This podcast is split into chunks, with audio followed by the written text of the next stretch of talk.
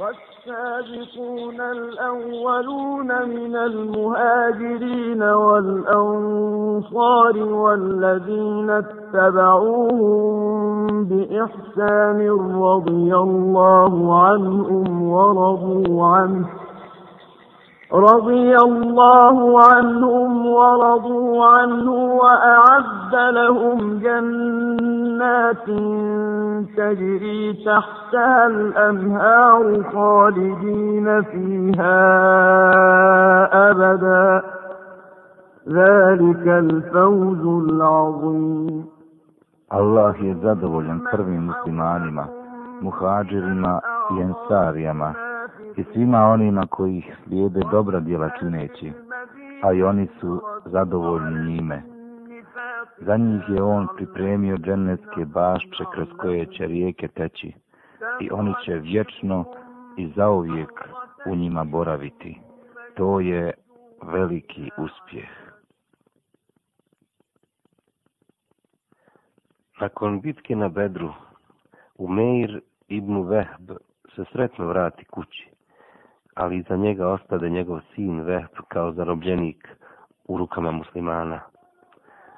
Bojao se Umeir da će se muslimani osvetiti na njegovom sinu zbog svega uznemiravanja i napada koje je on činio prema Allahovom poslaniku, sallallahu alaihi ve sellem, i njegovim pristalicama. Jednog ranog jutra Umeir se upuce prema Keabi da izvrši obilazak oko nje, te da traži pomoć i blagoslov od kipova koji su se tu nalazili. Pored Keabe u dijelu koji se zove Hidža, Umeir ugleda Safana ibnu Umeja, pa ga pozdravi džahilijetskim pozdravom. Dobro osvanuo, o gospodine Kurejšija. Safvan mu odgovori istim pozdravom, pa dodade.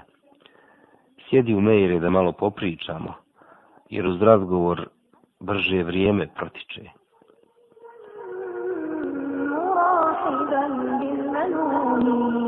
من الاولين والحور من يميني Umeir sjede pored Safvana i njih dvojica počeše da komentarišu ishod bitke na Bedru, podsjećajući se te velike nesreće što ih zadesi nabrajali su zarobljenike koji padoše u ruke Muhammeda i njegovih drugova. S nevjericom su računali koliko su sve njihovih uglednih kurejšija sasjekle muslimanske sablje i progutao napušteni bunar na bedru gdje su se bacala njihova tijela. Safvan teško uzdahnu govoreći. Tako mi Boga nakon svih njih nema nikakva hajra živjeti dalje na ovom svijetu. U pravu si, dodaje Umeir, onda malo očuti pa nastavi. Gospodara mi Kabe, da nemam onoliko dugova koje sada nikako ne mogu vratiti i da se ne bojim da će moja porodica poslije mene u bijedu zapasti. Sad bih otišao Muhammedu i ubio ga, čime bih zapečatio njegovu misiju i riješio nas njegova zla. Onda nešto tišim glasom u Meir produži govor. Sama činjenica da je moj sin Vehb u njihovim rukama, moj odlazak u Jesrib ne bi dovodila u pitanje i sumnju. Safvan ibn Umej se uhvati za govor Umeira ibn Vehba, pa ne želeći da propusti ovu rijetku priliku, brzo mu reče o Umeire, sav svoj dug prenesi na mene ja ću ga umjesto tebe vratiti, pa makoliko iznosio. A što se tiče tvoje porodice, ja ću ih sastaviti sa svojom porodicom i brinuti se za njih dokle god budem živio. Imam toliko bogatstvo da ću ih svi u moći obskrbljivati i pružiti im sve ugodnosti ovog života. Umeir mu odvrati. Ako je tako, onda ovaj naš razgovor nikom živom nemoj da spominješ i to neka ostane tajna. Safvan se složi govoreći. Obećavam ti to zasigurno. Umeir napusti mesčid, a neka vatra poče da gori u njegovom srcu. Bio je to plamen srđbe koju je osjećao prema Muhammedu. Onda se poče pripremati za izvršenje svoje osvete. Nije se bojao da će kod nekog izazvati sumnju svojim putovanjem, jer su mnoge kurejšije, čiji su bližnji bili zarobljeni od strane muslimana, često odlazili u pravcu Jesriba, raspitivajući se za otkup svojih rođaka. Umeir naredi da mu sablju dobro naoštre i da je umoče u otrov, dovedoše mu njegovu jahalicu, osedlaše i pripremiše, pa se on uspe na sedlo i zaputi u pravcu Medine, dok je sav kiptio od sržbe i mržnje. Tako Umeir stiže u Medinu, te se odmah zaputi u pravcu mesčida, tražeći Allahovog poslanika, sallallahu alaihi ve sellem. Kada je došao u blizinu džamije, zaustavi svoju jahalicu iz sjaha, te produži pješke. U tom času je Omer ibnul Hatab, neka je Allah zadovoljan njime, sjedio sa nekoliko drugih ashaba u samoj blizini džamijskih vrata. Razgovarali su o protekloj bitci na Bedru, o zarobljenim kurejšijama i njihovim brojnim žrtvama. Ko zna koji put su vraćali u sjećanje slike o junaštvima muslimanskih boraca i muhađira i ensarija. Spominjali su Allahovu blagodat koji ih je počastio velikom pobjedom i omogućio im da vide neprijatelja potpuno razbijena i ponižena.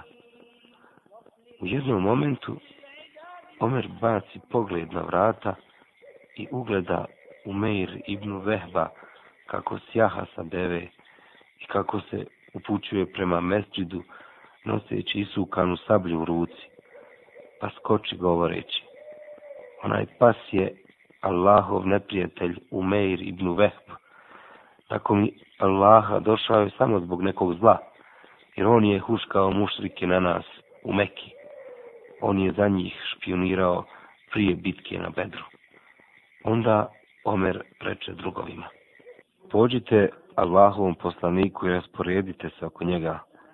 Te dobro pazite da ga ovaj prefrigani lopuh ne bi iznenadio. Onda Omer prvi požuri do Allahovog poslanika, pa mu reče. O Allahov poslaniče, evo Allahovog neprijatelja Umeira ibn Vehba dolazi sa sabljom u ruci. Ubijeđen sam da se sprema na neko zlo. Allahov poslanik mu odgovori pusti ga da uđe ovamo. Omer izađe, zgrabi Umeira Meira za odjeću, stavi mu sablju pod grlo i dovede ga do poslanika, sallallahu alaihi veselem. Kada ga Allahu poslanik vidi u takvom halu, reče Omeru, pusti ga Omere. Kada ga Omer pusti, vjerovjesnik mu ponovo naredi odmakni se od njega. Kada se Omer odmače, vjerovjesnik se obrati u Meiru. Priđi u Meire. Umeir priđe bliže i pozdravi vjerovjesnika džahilijetskim pozdravom. Dobro osvanuo. Vjerovjesnik mu odgovori. Allah nas je počastije puno ljepšim pozdravom nego što je tvoj pozdrav u Mejre. Počastio nas je selamom koji će se koristiti i u džennetu. U odvrati. Nisi ti tako daleko od našeg pozdrava, Boga mi, čak si ga doskora koristio. Vjerovjesnik ga upita. Šta te dovelo ovamo u Meire? Umeir odgovori. Došao sam da vas zamolim da mi učinite dobročinstvo i oslobodite moga sina iz zarobljeništva. Vjerovjesnik ga ponovo upita. A šta je s tom sabljom na tvom vratu? Ma kakva sablja? Pa je li vam išta koristila na dan bitke na bedru? Odgovorio Meir. Reci mi iskreno, zašto si došao u Meire? Ponovo ga upita poslanik. Pa došao sam zato što sam već rekao odgovori. Nije zato, je poslanik, nego si ti sjedio pored Kabe sa Sefvanom ibn Umejom, pa ste spominjali sve kurejševičke žrtve i zarobljenike na bedru, pa si ti rekao da nemam ovaj veliki dug i brojnu porodicu, otišao bih i ubio Muhammeda. Onda je Safvan na sebe preuzeo tvoj dug i brigu oko tvoje porodice, samo da bi ti mene ubio. Ali Allah se ispriječio između tebe i tvog plana. Umeir učudu zašutio na trenutak, a onda povika. Vjerujem da si ti u istinu Allahov poslanik, onda nastavi.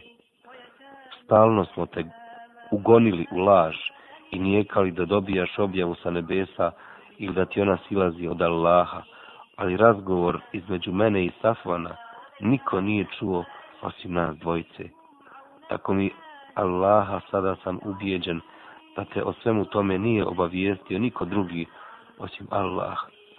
Pa neka je hvala uzvišenom Allahu koji me je ovamo doveo kako bi men na pravi put uputio. Onda umeju izgovori šehadet riječima. Vjerujem i svjedočim da je samo Allah Bog i vjerujem i svjedočim da si ti Allahu poslanik. Primi islam i postade musliman. Onda Allahu poslanik sallallahu alihi wasallam reče svojim drugovima podučite vašeg brata osnovama vjere naučite ga kako da uči Kur'an i pustite njegovog sina na slobodu muslimani se silno obradovaše prelasku Umeira ibn Vehba na islam. Omer, neka je Allah zadovoljan njime, je govorio. Straža mi je bila divlja hijena nego Umeir ibn Vehb, kada se pojavio pred vjerovjesnikom. A sada mi je on draži nego moj rođeni sin. I dok je Umeir čistio svoje srce učeći o islamu, napajao svoju dušu kuranskim svjetlom i živio najuglednijim životom od kako se rodio, zaboravljajući i Meku i one koji su ostali u Meki.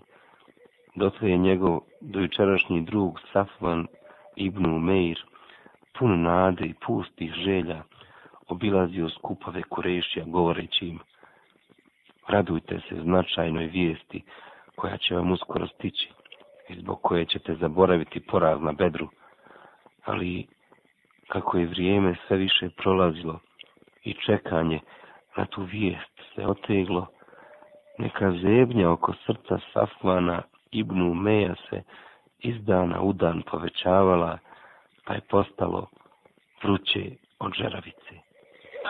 Raspitivao se Safvan kod putnika iz pravca Medine o Umeiru, ali ni od koga nije naišao na zadovoljavajući odgovor. Umjesto vijesti o ubijstvu Muhammeda, Safvan od jednog jahača ču sljedeće. Umeir ibn Vehb je primio vjeru Islama. Ta vijest pogodi Safvana kao udarac groma, jer je bio ubijeđen da Umeir ne bi prešao na Islam ni onda kad bi to učinili svi stanovnici zemaljske kugli.